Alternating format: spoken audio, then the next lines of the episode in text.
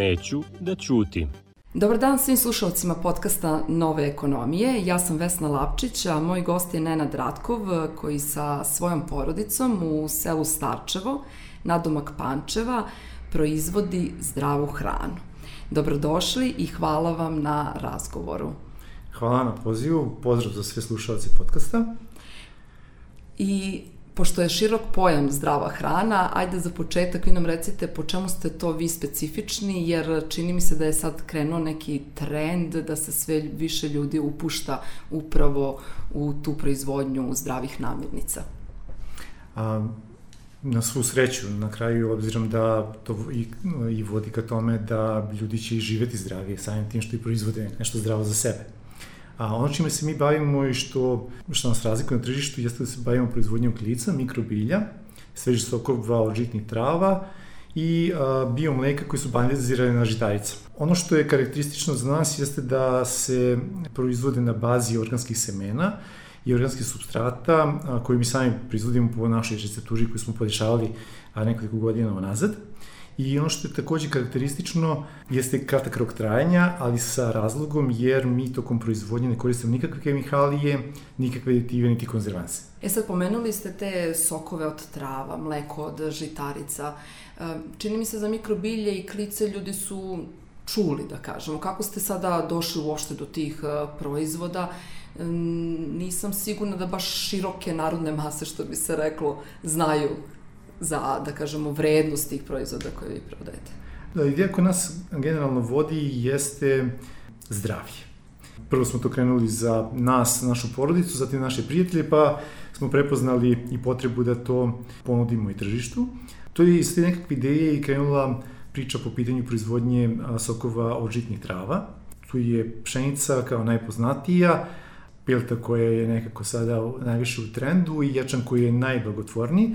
Ono što trenutno spremamo jeste, kažemo, i od ovsa koji ima posebno neke beta glukane a, koje neke druge žitarice imaju u manjem obimu, a koji su veoma delotvorni za zdravlje.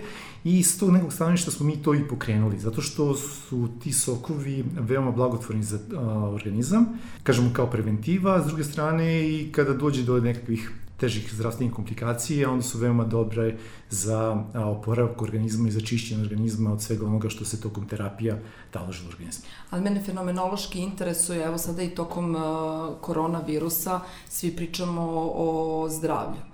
I tako kada idemo po tim društvenim mrežama, malo malo vidimo razne kutije vitamina koje ljudi slikaju, koje sada trenutno ovaj, piju radi jačanja imuniteta. Jesu li ljudi postali svesni zdravlja, ali ne samo važnosti zapravo vođenja računa o e, zdravlju, ne samo na način da ispijaju razne vitamine i tako dalje, nego upravo da se zdravo hrane, pa između ostalog i tim, da kažemo, novim vrstama proizvoda. Celokupna ova situacija je pokrenula ljude da se zapitaju koliko im je stvarno zdravlje bitno i važno i da jednostavno osveste ta, tu potrebu da zdravije žive, a to podrazumeva i zdravije navike u ishrani.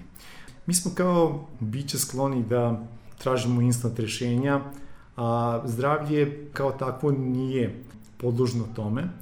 I ono što su sugestije kompetentnih ljudi jeste da u zdravlje moramo permanentno ulagati. Vitamini jesu do važni i bitni, ali vitamini su najbolje usvojivi ako ih usvojate iz povrća, iz voća, minerale, iz nekih drugih namirnica, znači iz različitih vrsta mesa i iz tog diverziteta i različitosti organizam usvaja ono što mu je potrebno i na način koji je njemu najbliži.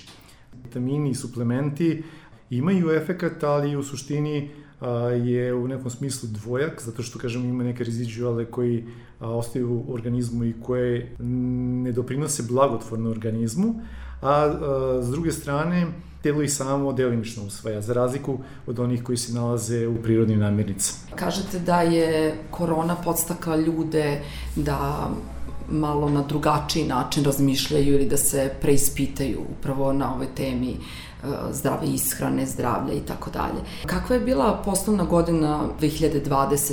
za, za vas i da li je pandemija na bilo koji način uticala da vi promenite nekakve poslovne planove. Ako se ne varam, vi ste u prošle godini ulagali i u sam brand, i u BioShop, radili ste na razvoju cele priče, što iziskuje i određene investicije. Kako je korona uticala na te sve planove koje ste verovatno napravili godinu dana ranije? Ili, ili više od godinu dana ranije? Ovo sve što se dešavalo, jednostavno, ja verujem da su rijetki bili ti koji su ovo predvideli i da su napravili nekakav a, akcioni plan a, sa svim ovim a, što se nama desilo. Većina, čini mi se, privrednika a, su bili zatečeni celokupnom situacijom i time koliko je ona uticala na sveukupno poslovanje i tržište u celini. Kao i svi, mi smo se prilagođavali ovome, a ono što mogu da kažem da je celokupna ova situacija ubrzala nekakve stvari. Pominjali ste nekakve digitalne medije u koje smo mi ulagali, jednostavno fokus i dešavanja i okolnosti a, i a, nametnuta pravila igre na kraju nova su jednostavno, da žaronski kažem, dali gasa a, nekakvim aktivnostima I ono što je a, se pokazalo kroz evoluciju, a kažem, govoreći u nekom smislu uže u domenu a, biznisa, a, jeste da je fleksibilnost a, veoma važna.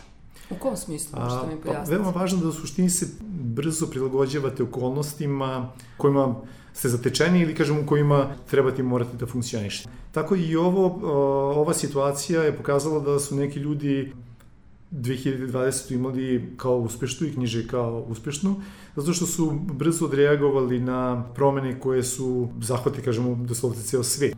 Tako da i mi smo se naše porodice i kažemo našeg biznisa svesni kažemo neophodnosti da a, se prilagodimo, ali opet kažemo to prilagođavanje nije bilo po svaku cenu.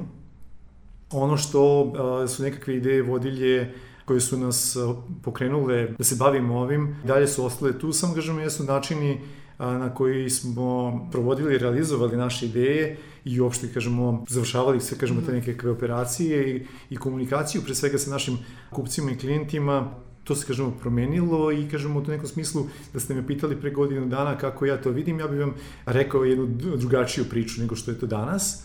Jer tu pre svega mislite na plasman proizvoda i tu komunikaciju sa kupcima u smislu da su sada svi prešli na te online platforme, da nema ni gastro manifestacija, da nema ni na licu mesta prezentacija, praktično teže je ostvariti direktnu komunikaciju sa kupcem. Demantujte me ako nisam u pravu, imam utisak da kod nekih proizvoda koji su na neki način inovativni je naročito važno da postoji ta veza između kupca i, i, i prodavca. Veza između kupca i prodavca, ja mislim da će uvek biti uh, ključna. Taj uh, takozvani customer relationship uh, management uh, bez obzira na način na koji komunicirate, on će morati da postoji. Ono što je drugačije jeste upravo to. Znači, okolnosti su promenile, nije moguće toliko direktno da ostvarite kontakt s kupcem, ali ono što mi radimo jeste da imamo individualni pristup našim kupcima, pa kažemo na neki način i, ta, i promocija. Radnje koje, a, s kojima sarađujemo i koje prodaju naše proizvode, to oni rade promocije za nas. Kombinujemo a, neke stvari koje su nam raspoložive i a, kao što je a, jedan od je da ljudi mogu da dođu, da kažemo, da, da probaju, ali kažemo u radnjama, a s jedne strane, a, ranije je to bilo da vi ste mogli to poslužite, sada to a, zahteva da bude drugačije upakovano, da budu jedinična pakovanja, svega toga, ali kažemo to opet obezbeđuje da ljudi to mogu da uzmu i da u jednoj svojoj opuštenoj atmosferi da se jednostavno prepusti i da te neke stvari probaju u svom domu ili kažemo negde drude što kažem opet ima neke druge benefite. Mm -hmm. Mislite da će se taj trend uh, zadržati nakon što prođe pandemije, odnosno da će ovaj trend uh, migracije na internet i online prodaju samo nastaviti da raste? Ja sam uveren da će tako biti. Svet se brzo menja i sve ono što se dešava da li ćemo imati nove okolnosti koje će nam se javiti, koje će opet tražiti nekako novo prilagođavanje. Verujem da sa stanovišta posla, sa stanovišta odnosa plasmana proizvoda i usluga, generacije koje dolaze jednostavno će tražiti da to bude tako. Kako sada vi vidite opstanak tradicionalnih trgovina u odnosu na online prodaju? Da li sada ste potpuno promenili vizuru u smislu da nećete ni težiti tradicionalnim trgovinama? Prosto me zanima kakav je tu sad odnos snaga zapravo i šta je budućnost klasične trgovine? Ja mislim da klasične trgovine će biti sve manje i manje. Da li će biti dalje prodavnica u smislu šopova, u to sam ubeđen da hoće. Način koji će oni pružati uh, usluge i prodavati proizvode će se sigurno menjati. Uh, u smislu da šta je drugačije, uh, planove koje sam prošle godine pravio za, uh, stvari preprošle godine za prošlu godinu, uh, sada već uh, nisu uključivali toliko online aktivnosti, da budem iskren, što je bio moj propust ali smo ga brzo nadoknadili. Prodavnice zdrave hrane s kojima mi sarađujemo, po mom istraživanju i koliko sam a, pratio saradnju koju imamo sa njima, umeđu vremenu, oni imaju lojalniju klijentelu nego što imaju druge a, prodavnice, aj kažemo, široke potrošnje. Iz razloga što a, ljudi kod njih idu zbog kvaliteta proizvoda koje oni prodaju i zbog kvaliteta usluge koje oni nude. To nije samo klasična prodaja, tu su, kažemo, i savjetodavne usluge, jer tamo ljudi, ja sam provodio vreme u tim radnjama, a, gledajući kako se kupci uopšte ponašaju, ljudi pitaju, interesuju se, ljudi koji rade u tim radnjama savetuju, daju sugestije, predlažu i ljudi si, ljudima je to veoma bitno. To jednim delom prelazi na online, ali kažem, ići će znatno sporije nego što će biti to kod klasičnih trgovina. Druge trgovine, neke su se prilagodile kažemo tokom prvih meseci korone da su klasični maloprodajni lanci krenuli da dostavljaju robu iz svojih lokalnih radnji kupcima koji nisu mogli da izlaze, koji su online to poručivali.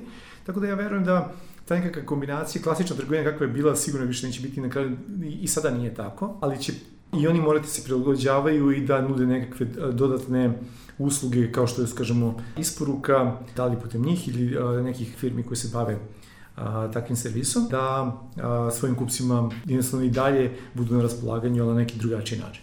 Ja se uvek pitam da li uh, će ljudi zapravo pohrliti za tim kontaktom zato što im je možda suviše nedostaje u ovom periodu iako je digitalizacija i online prodaja nezaustavljiva i videlo se da sve ide u tom pravcu i pre pandemije samo što kao što kažu analize se, je to pandemija ubrzala. Kako bismo mogli da ocenimo ovu vašu kategoriju proizvoda što se tiče cenovno? Ne možemo da kažemo da su to jeftiniji proizvodi, ali nije ni luksus. Zašto vas to pitam?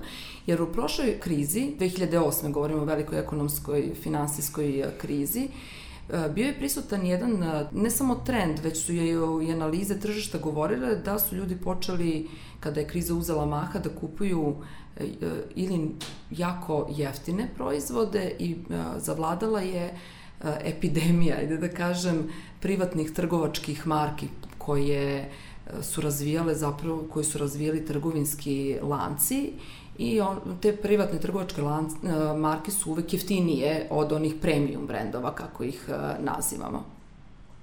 Drugi trend, da ne bi e, povećavali cene, mnogi proizvodi su smanjivali količine. Pa je čokolada umesto 100 grama bila 80 grama, kiselo mleko je umesto 2 decilitra bilo 1,8 decilitra i tako bili su, da kažem, razni trikovi i dovitljivosti na, na tržištu. A koliko se sećam, luksuzni brendovi jesu imali pad prodaje, ali nisu baš bili u potpunosti pokošeni, ne sećamo se da je neš, neko baš toliko bankrotirao zbog te krize. E sad mene zanima, uh, budući da sam malo istraživala, vi niste ni najjeftinija, niste ni, ni luksuzni, šta mislite kako će uh, proizvodi uh, poput vašeg proći tokom ove krize i vi već imate sigurno nekakve reakcije sa tržišta? Ja sam poslednjih 20 godina u poslu i prošao sam kroz različite industrije i ono što sam mogao da primetim za, neka sam se vraćao posle nekih 5 godina opet, i paralelu koju sam mogao da povučem jeste da ljudi se sve više i više edukuju. Kupac je sve edukovaniji iz prostog razloga što su mu informacije veoma pristupačne. Tako da situacije po pitanju marketičkih trikova ili da bolje kažem marketinških manipulacija a, su sve manje moguće u smislu tog srednjeg segmenta, cenovnog srednjeg segmenta u kome se nalaze naši proizvodi, ja generalno nemam velike bojazni po pitanju toga, jer a, a, kupci a, sve više se interesuju za kvalitet, jer im je to važno, obzirom da sada pričamo o zdravoj hrani, a, generalno i o nekim drugim stvarima, sve više ljudi čitaju deklaracije, šta piše, koji je sastav, proizvoda koji kupuju, formišu se uslugama, šta oni za tu uslugu dobijaju. Sve ukupno na tržištu više kvalitet a, nije toliko upitna stvar. Znači, često se oni podrazumeva, a jednostavno jako lako se dođe do toga, do informacije šta jeste kvalitetno šta nije. I s druge strane, zašto ide u tom nekakvom smeru, mislim da iz te informisanosti, s druge strane, zaštita potrošača je sve jače i jače kroz, kroz formalne regulative, ali kažemo kroz neformalna udruženja. S druge strane, najveća zaštita su, kažemo, socijalne mreže. Ako se vi ponašate neposlovno i ako vi uradite takvu kažemo, marketičku manipulaciju, marketičke mreže će to osuditi i jako brzo može da doći neku crnu listu i ono sve što ste gradili a, vremenom može da propadne zbog toga što ste vi želi da nešto uštinite, da tako kažem. Mislim da situacija po pitanju, bar kažemo, grane u kojoj, kojoj smo, neće toliko a, trpeti u tom nekom smislu, ko kažemo možda neke usluge kojih jednostavno zbog prirode stvari će biti smanjena potrošnja za, za njima. Mm -hmm. Ali to znači da vas ne plaše ni ove najave da će poslodavci ili da su već poslodavci sa 1. januarom krenuli u uh, smanjenje broja radnika, uh, zato što u prošloj godini svako ko je koristio državnu pomoć nije mogao da otpušta više od 10% radnika i prognoze su govorile da sa početkom ove godine neminovno će doći do do rasta broja nezaposlenosti. Kad imamo rast broja nezaposlenosti, neminovno je da dođe i do pada kupovne moći. Jedan par rukava jeste upravo to što smo pričali e, da postoje razna načina prilagođavanja e, proizvođača i trgovaca e, smanjenje potrošačkoj moći, pa između ostalog i ta pakovanja koje smo spominjali, ali kako se boriti protiv toga da ljudi možda nemaju jednostavno novca. Da, da li vas to plaši? Kakve su vaše kalkulacije bile u tim planovima koje ste pravili za 2021. O strahu nema nekakvog velikog govora, jer u suprotnom ne bi se ni osmeli na ovo da smo se plašili da u neke stvari ne verujemo. Da li će se to odraziti i naš posao sigurno da hoće. To je, kažemo, sad stvar perspektive. S druge strane, prognoze naših analitičara, a i kažemo neki svetski analitičara, bar ono što sam ja čitao i informisao se da će već krajem godine se vraćati na neki nivo od pre korone ili početak naredne godine. Kažem, to je sad da, u, u suštini po meni stvar perspektive koju vi posmatrate. Ako vi a, imate ideju da a, pobedite u ovoj kratkoročnoj priči sada u narednih nekoliko meseci, onda ste vi u ozbiljnom problemu. A ukoliko ste se spremali da igrate nekakvu beskonačnu igru, ako mogu tako da kažem, da razvijete posao, u stvari da, da traje sa svim naravno očekujućim usponima i padovima, onda vi u toj nekakvoj priči za to se spremate. Drugačije se organizujete, drugačije posmatrate investicije, s druge strane u ovoj situaciji vi ne smete da isključite investicije. A mi planiramo da investiramo ove godine, iz razloga što ta investicija treba negde da se valorizuje krajem naredne godine ili kažemo tokom narednih godina. U što ćete investirati kad ste već U opremu za proizvodnju i istraživanje po pitanju proizvoda koje proizvodimo, jer imamo a, ideju da razvijemo našu gamu proizvoda. Mi sada proizvodimo klice i mikrobilje, koje su u suštini, može se posmatrati kao sirovina. A, mi hoćemo da od toga imamo nekakve nove proizvode i da a, tržištu u 2021. godini ponudimo nešto što je koncentricovanije, dalje zdravo i dalje bez aditiva i dalje bez hemije, kažemo opet pristupačnije i da se to može koristiti u nekom dužem vremenskom periodu. A koliko ste poslovnih onda strategija napravili, jer pričali smo o tome malo pre da ste neke stvari 2019. prevideli kada ste pravili planove za 2020. Postoji jedno Deloittovo istraživanje koje je objavljeno nedavno, koje govori da više od dve trećine menadžera je napravilo nekoliko različitih scenarija za 2021. Koliko ste vi scenarija napravili? Treba imati najmanje dve od plana B koji je, kažu, dobio ime po Bismarcku koji je uvek imao drugu čvrstu opciju koliko, koja je bilo mnogome različita od ove prve, ako mu ona ne prođe. Na akademiji sam naučio da treba imati bar tri. Ono što je danas, što nas sadašnjost uči, jeste da imate veći broj opcija. Da ćemo ih nazvati strategijama ili planovima, ali meni se dopada ideja opcije, jer opcija mi je nekako fleksibilna. Nijedna od njih nije nešto što je tvrda i jako je zapisana, tempo promene jednostavno sad nekog mog stanovišta govorim toliko ne mogu da predvidim i jednostavno onda gledam da imam bar četiri zapisane opcije i onda shodno situaciji koja nam se dešava na tržištu biram koja je najbliže tome i onda nju prilagođavam situaciji mada i to je živa stvar kao što je i sve oko nas gledam da imam što je moguće više opcija. Komplikuje li to preduzetnički život? ne čini ga lepšim izazovnim i to vas generalno sprema i obezbeđuje vam da kroz taj preduzetnički tok, život ili tu dinamiku idete sa manje stresa. Pomenuli ste investicije, da li će vam možda biti neophodna neka finansijska podrška banaka za te investicije? Da li ste možda do sada u svom razvoju koristili kredite i recimo prošlogodišnje moratorijume. S obzirom da stepen našeg razvoja i da naš bankarski sistem ne prepoznaje start-up i finansiranje start-upova, nismo bili u prilici da koristimo. Ja kao neko koji je proveo jedan deo svoje karijere u bankarstvu, verujem u kredit kao instrument razvoja, pod uslovom da imate jako dobar plan pre nego što ste ga uopšte i podneli zahtev za njega. Jer pomenuli ste krizu 2008. godine, ja sam u tom periodu bio u bankarstvu i video sam da 2008. i tako tako, 2009. i 2010. je bilo u mnogom izazovnije i očiglednije da a, s kompanije i tada uzimali kredite, zaduživali se, jako kažemo već bilo jasno da smo a, i mi u krizi. Neke su a, se razvijale i pravili izvanredne rezultate, neke su doslovce propadale. Iz razloga što jednostavno nisu namenski trošila a, sredstva koje su uzimala bez jasnog cilja šta žele njima da postignu. Tako da, a, da, mi imamo jasan cilj šta želimo da uradimo s tim sredstvima i budemo li bili u prilici da koristimo kredit kao instrument za finansiranje, to ćemo uraditi.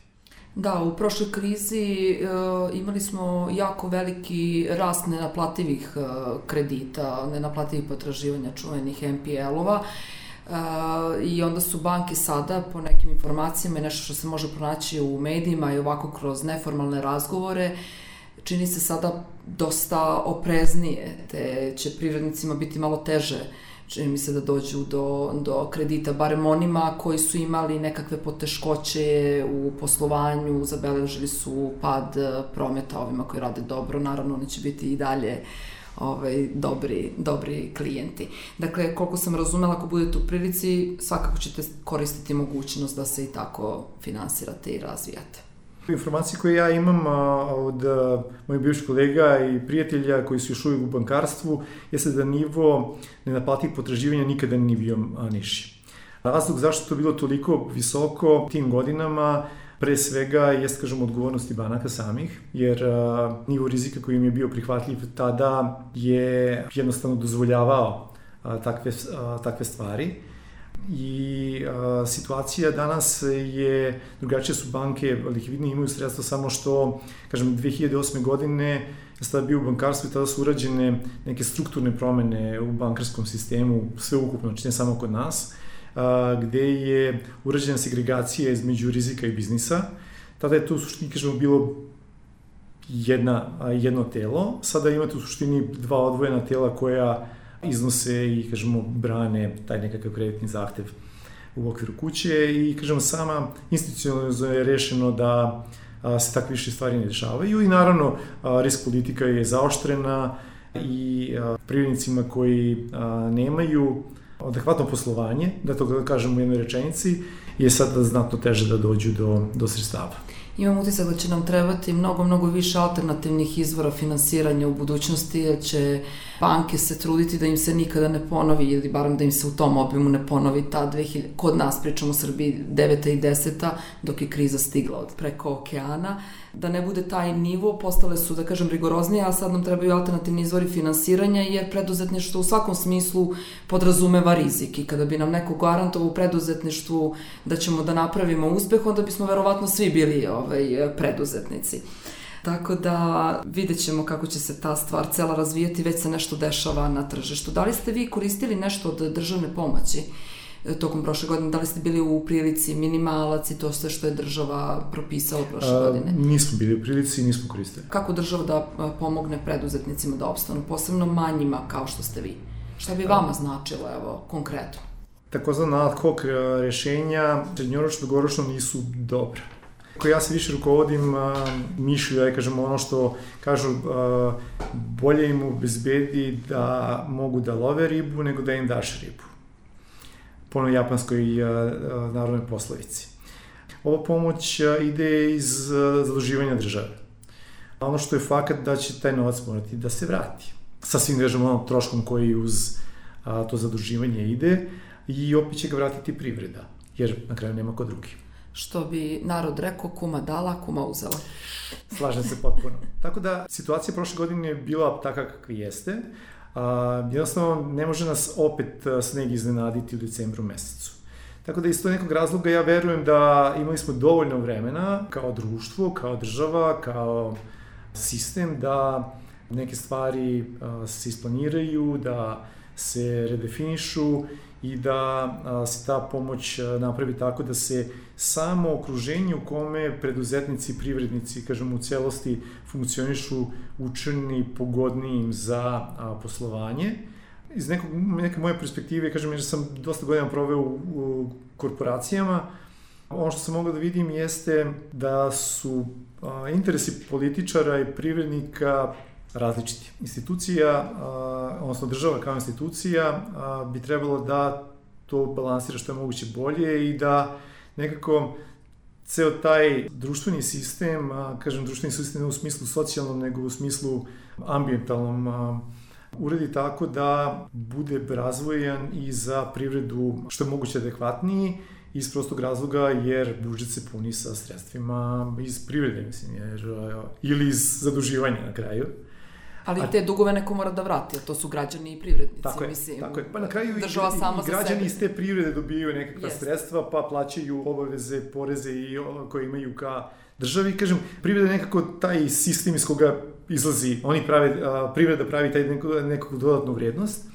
I čini mi se, nekako govorim kao neko ko, ko jeste u privredi, ali nije u politici, da su uloge, umesto da država bude servis privredi, deluje mi da nekako da je privreda stavljena u situaciju da bude servis države. U tom nekom smislu čini mi se da neke stvari moraju nekako malo se promene i da se sredstva koja su potrebna treba da se po meni obezbedi i da se investiraju u to da privreda može lakše da funkcioniše. Ne kaže da obaveze treba da budu manje, samo kažemo da se olakša privrednicima njihov rad i da mogu da ostvaruju prihode, a onda će se tim prihodima tako i da priliv u državnom kasu bude veći da sumiramo sve ovo o čemu smo pričali kao neku poruku e, privrednicima koji prosto možda su sada i u nekom letargičnom stanju zabrinuti, e, mnoge delatnosti su zaista pokošene e, pandemijom,